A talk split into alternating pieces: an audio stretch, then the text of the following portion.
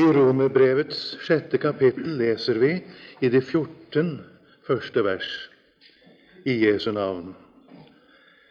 Hva skal vi da si? Skal vi holde ved i synden for at nåden kan bli det større? Langt derifra. Vi som er avdøde fra synden, hvorledes skulle vi ennå leve i den? Eller vet I ikke at alle vi som ble døpt til Kristus Jesus, ble døpt til hans død? Vi ble altså begravet med ham ved dåpen til døden, for at like som Kristus ble oppreist fra de døde ved Faderens herlighet, så skal også vi vandre i et nytt levnet. For er vi blitt forenet med ham ved likheten med hans død, så skal vi også bli det ved likheten med hans oppstandelse. Da vi jo vet dette, at vårt gamle menneske ble korsfestet med ham, for at syndelegemet skulle bli til intet, så vi ikke mer skulle tjene synden. For den som er død, er rettferdiggjort fra synden. Men er vi død med Kristus, da tror vi at vi også skal leve med ham. Fordi vi vet at etter at Kristus er oppstanden fra de døde, dør han ikke mere. Døden har ikke mere noen makt over ham. For sin død den døde han én gang for synden, men sitt liv, det lever han for Gud. Således skal også I akte eder som døde for synden, men levende for Gud, i Kristus Jesus. La derfor ikke synden herske i eders dødelige legemer, så lyder dets lyster. By heller ikke eders lemmer frem for synden, som urettferdighetsvåpen. Men by eder frem for Gud som de som av døde er blitt levende, og eders lemmer som rettferdighetsvåpen for Gud. For synden skal ikke herske over eder. I er jo ikke under loven, men under nåden. Amen. I dette avsnittet av romerbrevet, som begynner med kapittel 6, går ordet over til å tale om vårt liv som kristne. Hvordan vi skal være, leve, ferdes her på jorden efter at vi er blitt frelst. Det er særlig to kjensgjerninger det dreier seg om i vårt kristenliv. Og det er også de to kjensgjerninger som er fremherskende i det avsnittet vi leste sammen. Det ene er den kristnes forhold til synden, det gamle mennesket. Hvordan han får seier over sin synd og over sitt gamle menneske.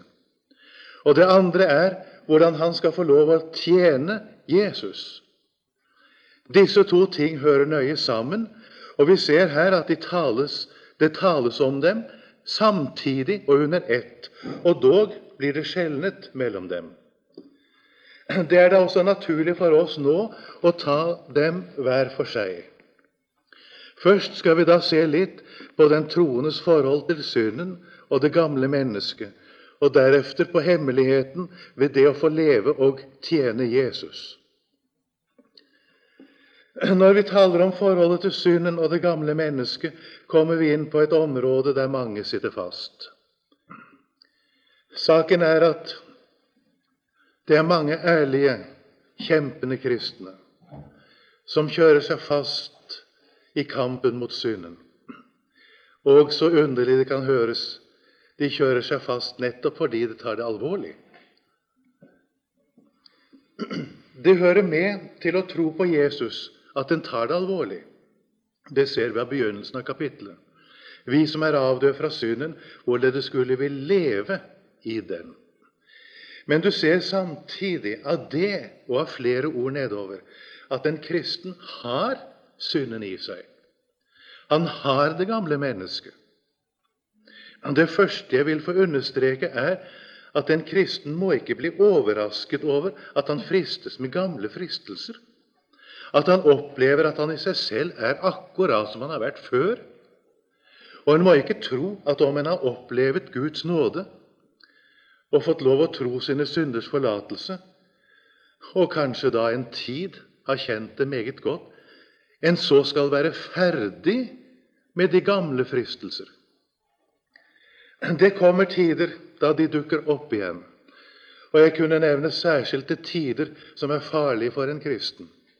Det er f.eks. hvis du blir for trett og sliten. skal du være oppmerksom på. Jeg tror at vi som lever i dag, vi nutidsmennesker, skal være klar over at vi kan hjelpe djevelen ved å bli for trette. Dere synes kanskje jeg setter det på spissen nå, men det gjør jeg faktisk ikke. Er det noen som vil ta fordel av at vi blir trette og nedfor, så er det sjelefienden og det gamle mennesket. Nå tror jeg nok at Herren i slike tider særskilt også holder sin hånd over oss. Det vet jeg ut fra Guds ord at han gjør. Men kampen kan bli bitter i slike tider. Og det hender nok at en kristen får sørgelige erfaringer av seg selv og lider nederlag i mange fristelser i slike tider. Likedan vil jeg gjøre oppmerksom på at nervøsitet det kan være veldig farlig for vår kamp mot det gamle mennesket. Det ser ut som nervøsitet kan gjøre det vanskelig for oss å stole på Guds løfter.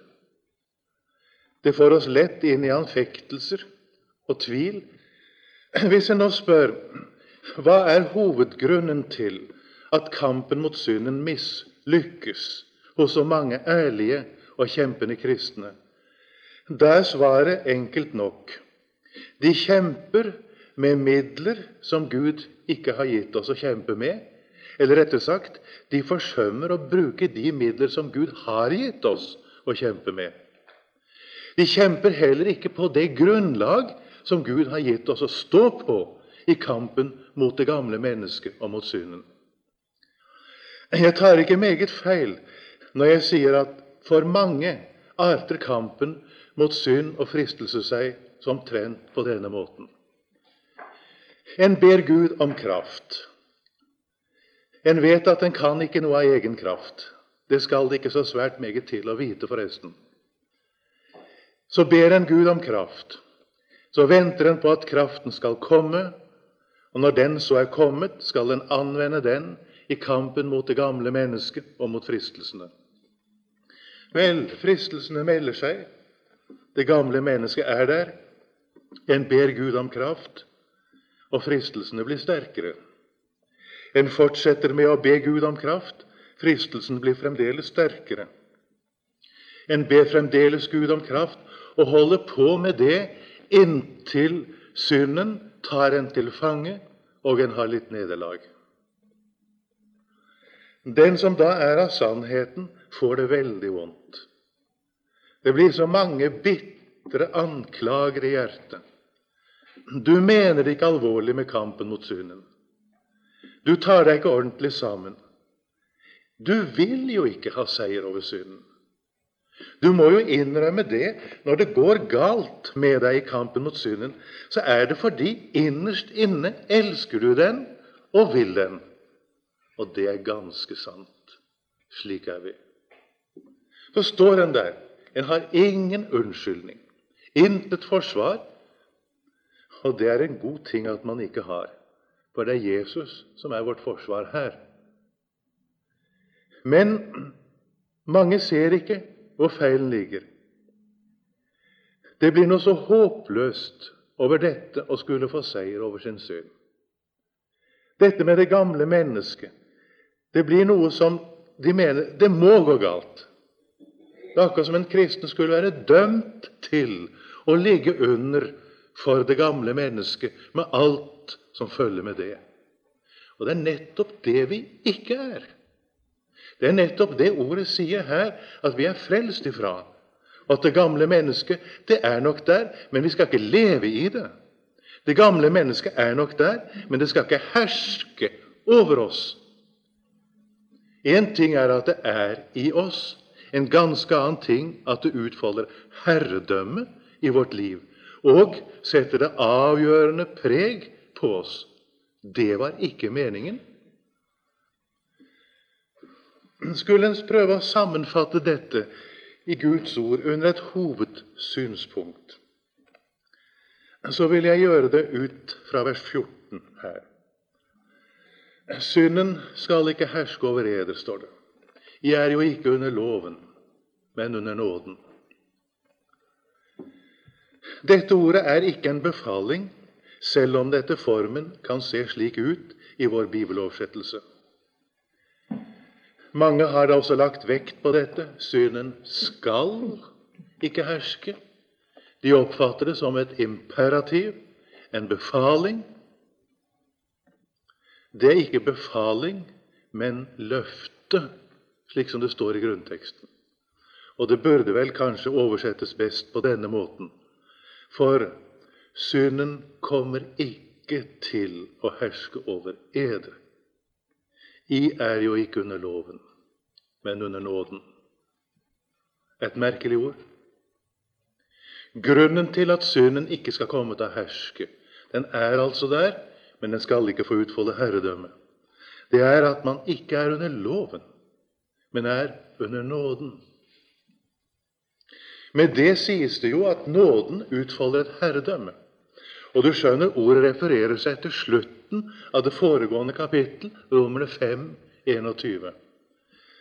For at liksom synden hersket ved døden, står det, således skulle også nåden herske til evig liv ved Jesus Kristus, vår Herre.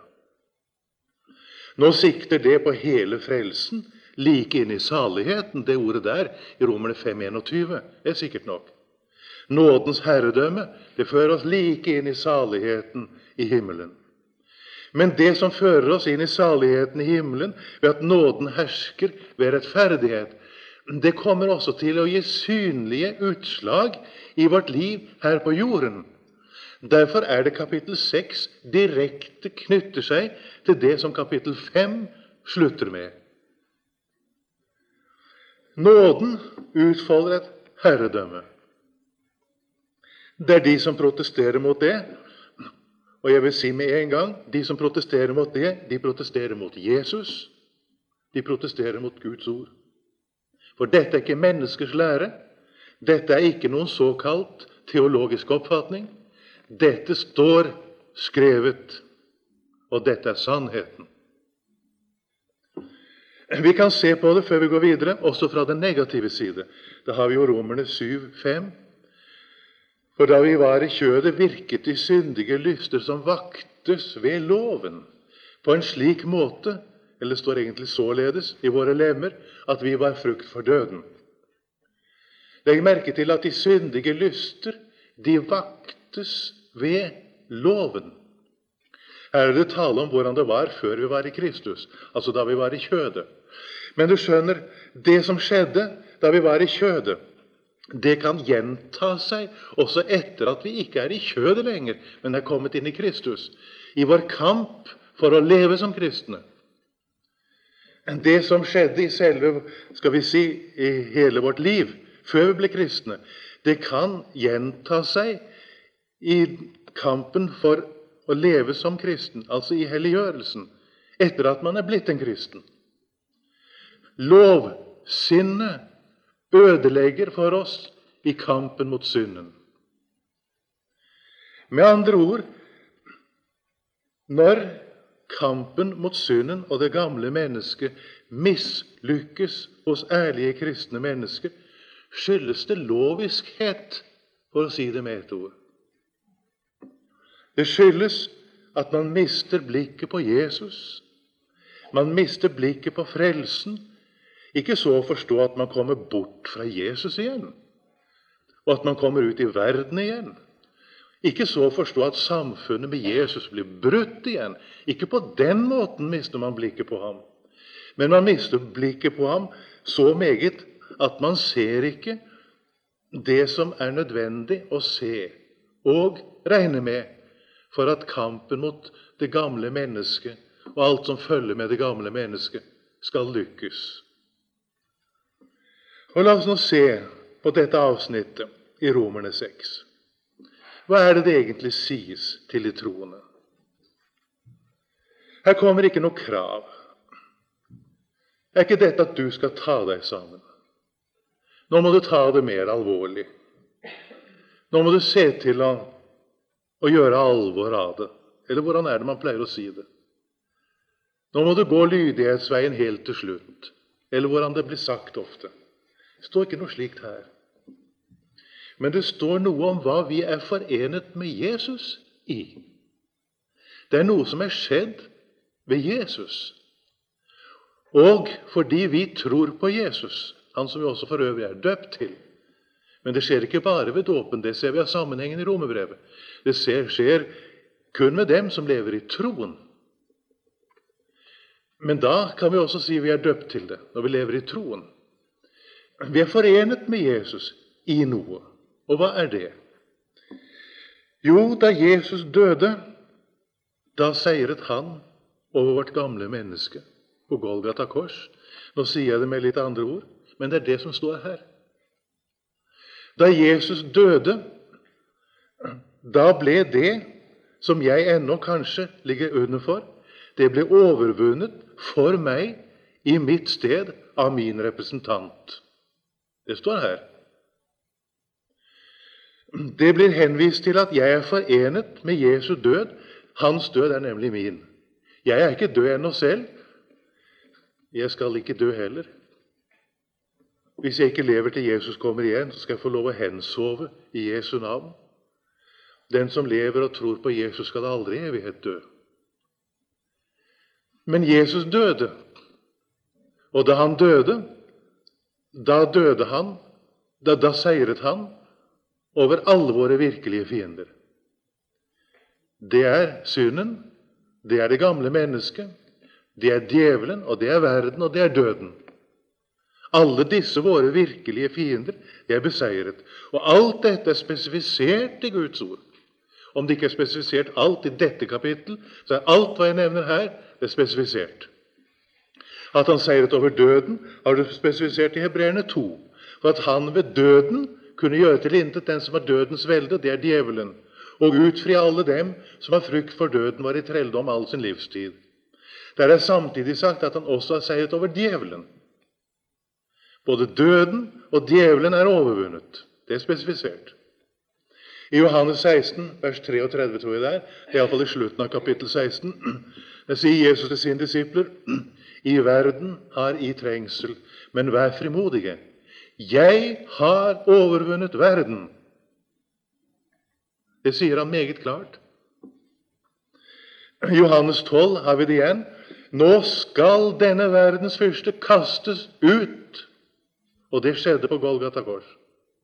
Og jeg tar med Kolossenserne 2,15. Han avvæpnet makten og myndighetene og stilte dem åpenlyst til skue. Vil si fremstilte dem i deres nederlag i det han viste seg som seierherre over dem på korset. Her har altså verden, og her har du djevelen, døden, er overvunnet. Nå sier Romerne 6 på samme måte er det med synden, med det gamle mennesket. Jesu død, det er vår død. Derfor er Jesu liv vårt liv. Det er noe vi har fått del i, som stadig skal føre oss frem vi har det allerede, men vi har ikke sett til fulle hva det innebærer ennå. Det er der, men det er meget mer enn det vi ennå ser og forstår. Og så kommer da at Jesus altså har gjort dette, men så sier begynnelsen av vers 6 da vi jo vet dette. Det er ikke bare altså at Jesus har gjort dette, og vi er forenet med ham, men det er noe som her må komme til vår kunnskap for at vi skal kunne anvende det. Og Her står det i grunnteksten 'da vi jo erkjenner dette'. Det står slett ikke 'vet'. Og det som står der i begynnelsen av vers 6, det angir ikke noe intellektuelt. Det angir ikke noe som vi vet. Det er ikke en viten her er tale om, men det er en erkjennelse. Men vi får ikke lov å bruke det ordet, for det er ikke norsk nok.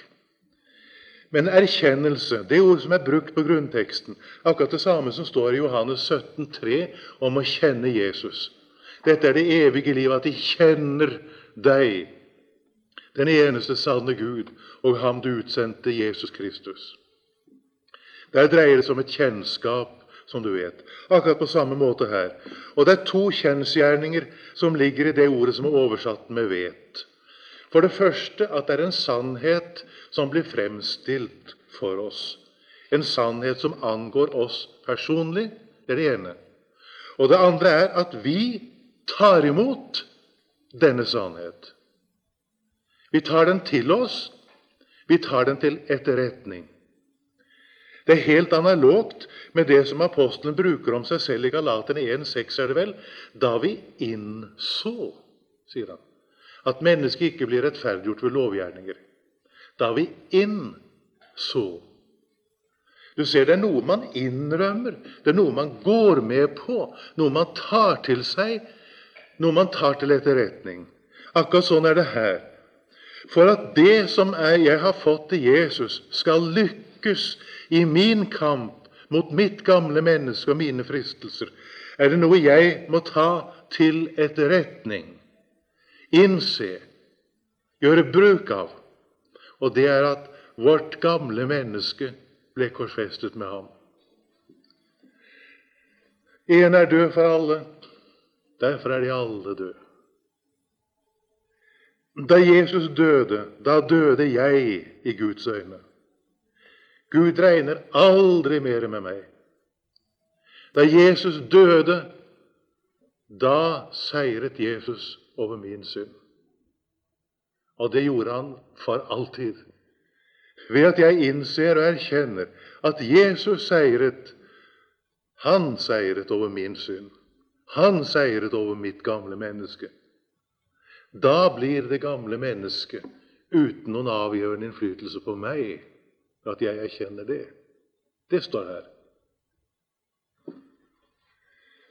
Og det begrunnes så underlig. For den som er død, han er rettferdiggjort fra synden. Men det er noe det gamle mennesket ikke kan stå for.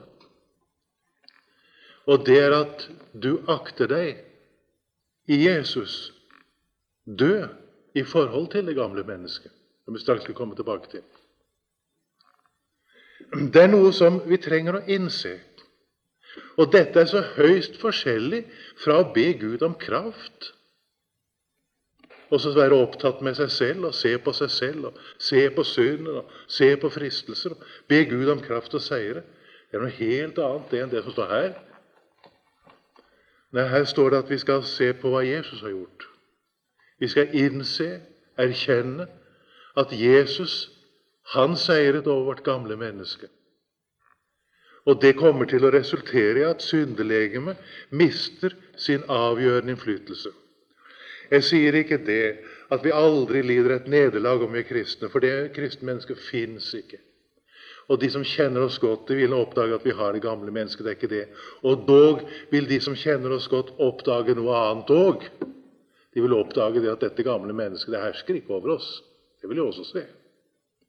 Det viser seg nemlig òg. Syndelegemet blir til intet, så vi ikke lenger skal tjene synden, står det. Den er der, men vi tjener den ikke. Den er der, men vi lever ikke i den, som det står i vers 1. Det ordet 'leve' det er brukt akkurat på samme måte som fisken lever i vannet, fuglen lever i luften. Man lever i noe som i sitt element. Det gjør ikke en kristen med synden. Synden er der, men han lever ikke i den. Synden er der, men han tjener den ikke. For den som er død, er rettferdiggjort fra synden. Vi er rettferdiggjort fra synden i Jesus. Det har Guds ord påvist så klart i det foregående. Det som vi er, det er ikke dødt i oss. På ingen måte. Synden er syndig i oss. Det er sikkert. Men vi er rettferdiggjort ifra den. Fordi i Jesus er vi døde ifra den. Derfor er vi rettferdiggjort fra den. Men er vi døde med Kristus, da tror vi, står det Det skulle kanskje oversettes Da setter vi vår lit til at vi også kommer til å leve med ham. Gjør du det? Det hjelper veldig kampen mot synden. Og det hører med til å akte seg som død for den at du setter din lit til at du kommer til å leve med Jesus. For du skjønner, Jesus skjebne er nå vår skjebne. Det er det som står videre. Og sier jeg det med andre ord fordi vi vet at synden har ikke mer noen makt over ham. Så har han heller ikke mer makt over oss. Så sant altså vi ellers følger det som står her. For sin død. Den døde han én gang for synden. Men sitt liv det lever han for Gud, og det er vårt liv. Og så kommer konklusjonen i vers 11. Således, kanskje skulle oversatt på den måten, altså slik som det nå er angitt der i det vi har talt om fra vers 6 utover. På den måten skal også I, nå står det i grunnteksten, regne eder selv som døde for synden og levende for Gud. Altså begge deler i Kristus Jesus. Her er en hemmelighet med språkbruken i 611. Jeg vet ikke hvorfor det er blitt oversatt med akte, men det burde vært oversatt på samme måte som i kapittel 4. I kapittel 4 er det tale om rettferdiggjørelsen. Der er det tale om i vers 6 og vers 8, for å bare nevne de to ordene. Det står i flere ord om det samme der i den sammenheng. Salig er det menneske som Herren tilregner rettferdighet uten gjerninger. Salig er den mann som, han ikke, eller som Herren ikke tilregner synd. ikke sant? Å være rettferdiggjort, det er jo å være tilregnet det Jesus er og har gjort. Mens jeg altså ikke er tilregnet det som jeg selv er og har gjort. Det er det som gjør meg til en kristen. Overfor Gud, i Hans omdømme om meg, så står jeg der slik som Jesus står. Jeg tilregnet ham. Det er Gud selv som tilregner med ham. Og jeg er ikke tilregnet meg selv. Og det er Gud selv som ikke tilregner meg meg selv. Han som ser min synd. Han som vet hvordan jeg er. Han sier han glemmer min synd. Han kommer den ikke i hu. Han tilregner den ikke. Nå blir jeg i Romerne 6, 11, og med tanke på mitt gamle menneske og seier over synden, bedt om å gjøre det samme. Jeg blir bedt om å akte meg selv, eller regne meg selv, som død for synden og levende for Gud i Kristus Jesus. Altså, jeg blir bedt om å akte meg slik som Gud akter meg. Regne meg slik som Gud regner meg. Det er helt sikkert at rent språklig korresponderer uttrykket som apostelen bruker i Romerne 6,11, med de uttrykk han bruker i kapittel 4. For å gjøre klart at det å seire over synden, det er simpelthen å gjøre bruk av hva vi har fått av Gud i rettferdiggjørelsen. Helliggjørelsen springer så aldeles nøye ut av rettferdiggjørelsen.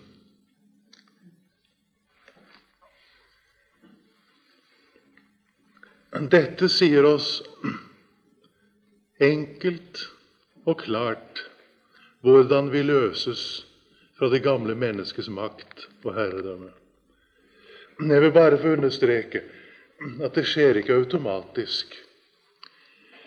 Det skjer, skal vi bruke uttrykket, organisk.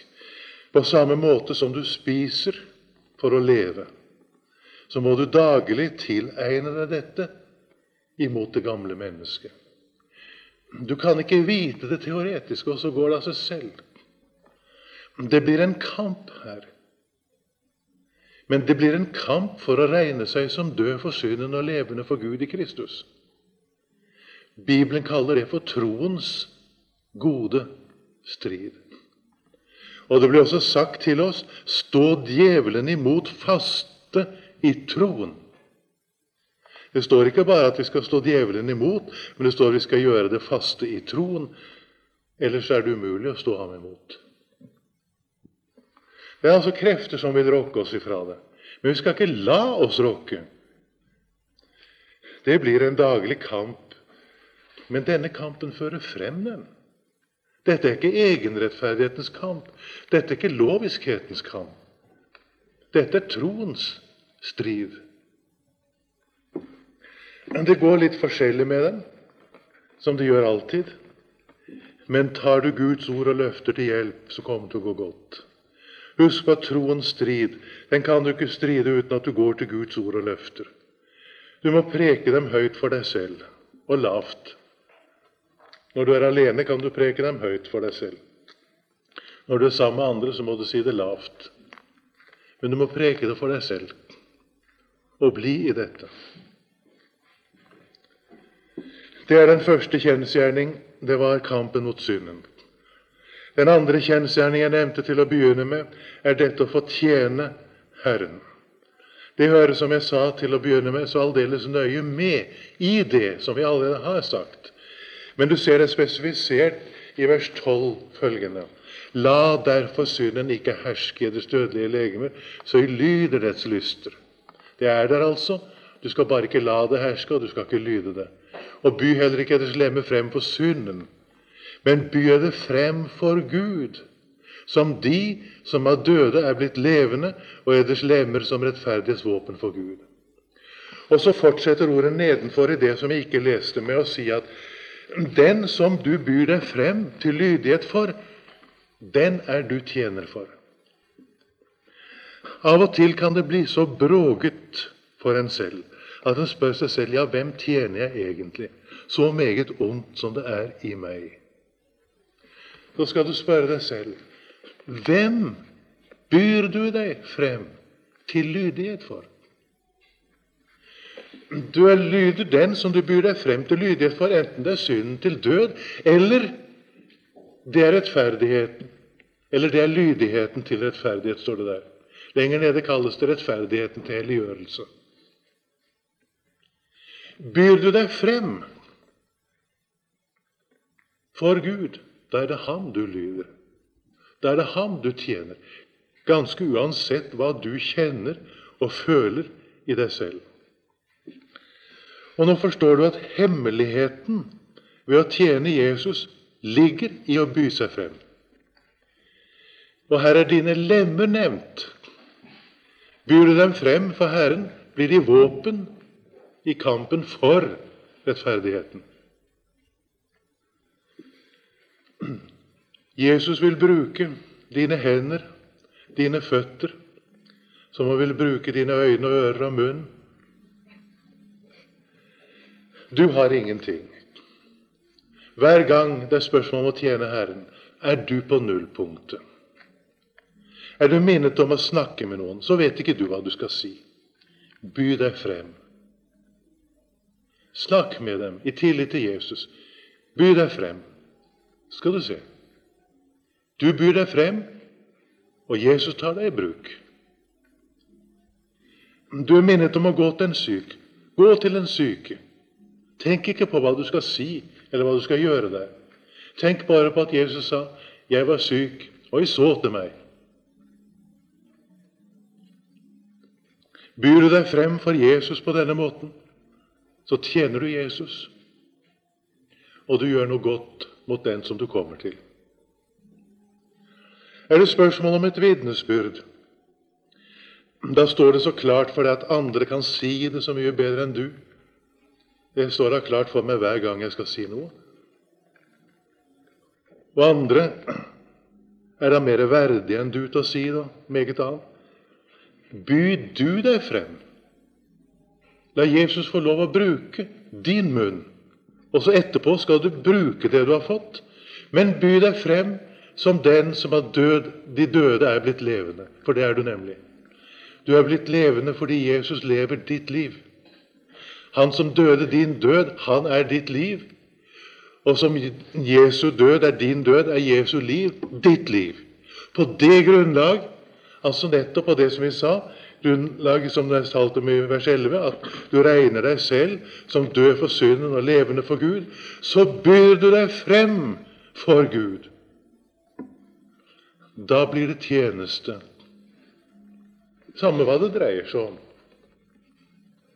Det er alle mulige ting som hører det daglige liv til, som det kommer til å dreie seg om.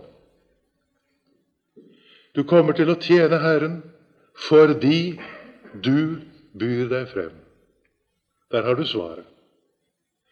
Da blir et liv i tjeneste for Herren. Det er også på denne måten, ved å by seg frem for Herren, at en blir klar over et kall i Guds rike.